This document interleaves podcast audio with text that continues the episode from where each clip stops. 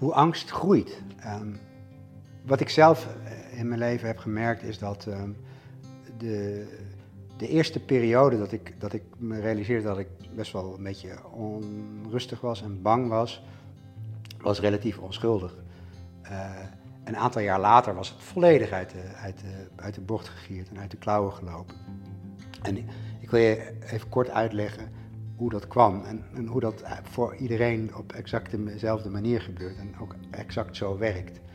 Um, en dat is dat um, zodra we voor het eerst in ons leven ons bewust worden van het feit dat we bang zijn en angstig zijn en ongemakkelijk en onrustig zijn, ontstaat er een proces waarin we dat gaan analyseren en in de gaten gaan houden.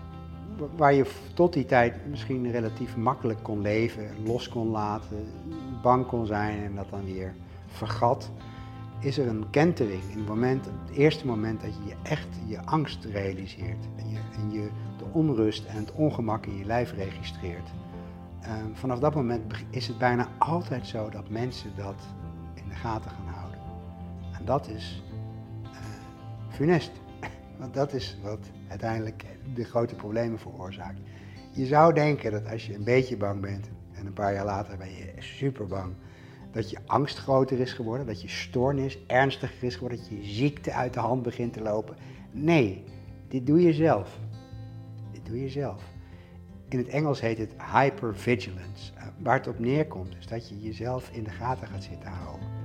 Je gaat de hele tijd polsen. Hoe, het met je, hoe, hoe voel ik me nu?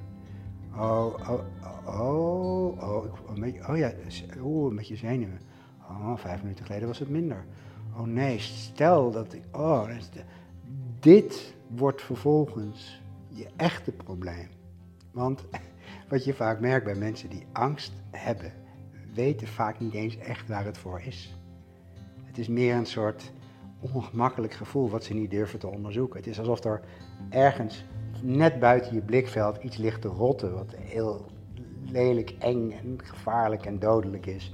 En je vermoedt dat het er is en je kan het bijna zien, maar niet echt. En je weet niet wat het is, maar je durft niet te kijken omdat het in gedachten zo groot is. Dit is, dit is angst. De meeste mensen zijn nergens bang voor.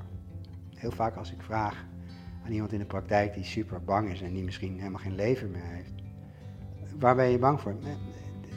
Niks, gewoon angst en dan bang voor bang en angst om angst.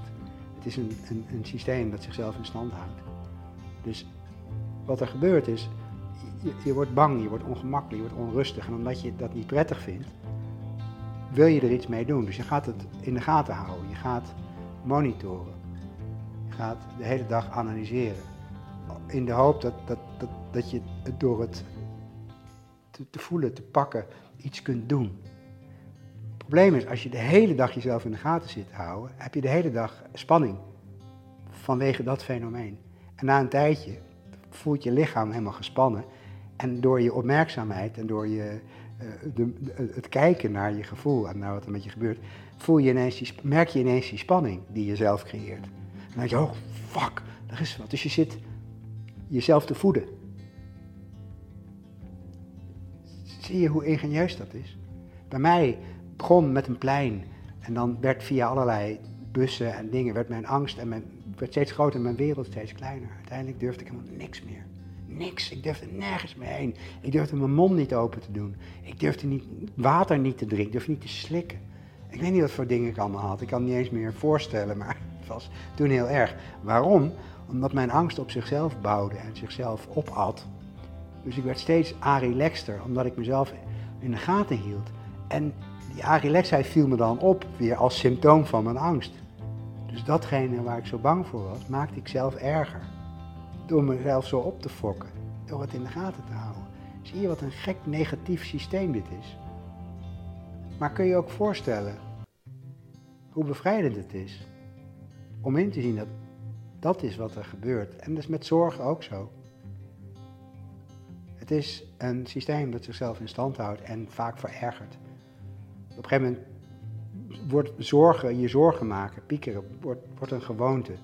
Een, een, bijna een verslaving. Hoe gek het ook klinkt.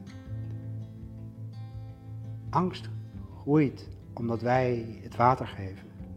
Omdat wij bang worden voor de angst. Omdat wij weerstand voelen tegen de angst. Omdat wij de angst in de gaten gaan houden. Daardoor worden we a-relaxed en gespannen.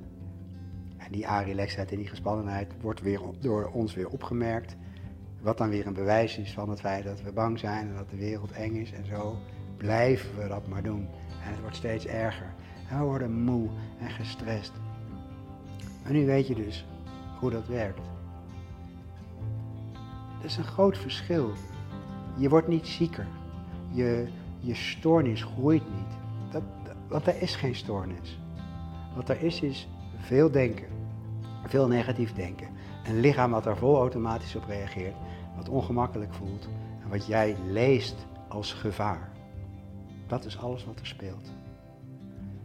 En als je dat snapt, als je dat doorziet, als je dat de, op die manier binnen laat komen, dan kun je een beetje ontspannen. En als je een beetje kunt ontspannen, dan geef je niet extra veel energie aan dat hele systeem. Dan onttrek je energie aan het in stand houden van die angst. En dan word je een beetje rustiger. En dan zo leer je, oh, zo leer je jezelf terug te trekken uit die beweging. Simpelweg door aandachtig te zijn, door die bewegingen op te merken. Oh, onrust. Oké, dat weet ik, want ik ben me daar bewust van. Ik blijf even bij het bewustzijn. Ik laat de onrust even voor wat het is. Ik ben me alleen maar even bewust. Ik weet dat het mijn denken is wat ik voel, niet de wereld. Dus het voelt ongemakkelijk, het voelt vervelend. Ik wil het liever niet, maar ik weet ook dat het geen kwaad kan. Het kan geen kwaad. Het voelt super ongemakkelijk. Helemaal. Als het uitloopt op paniekaanvallen. En daar ga ik het in het volgende filmpje even over hebben.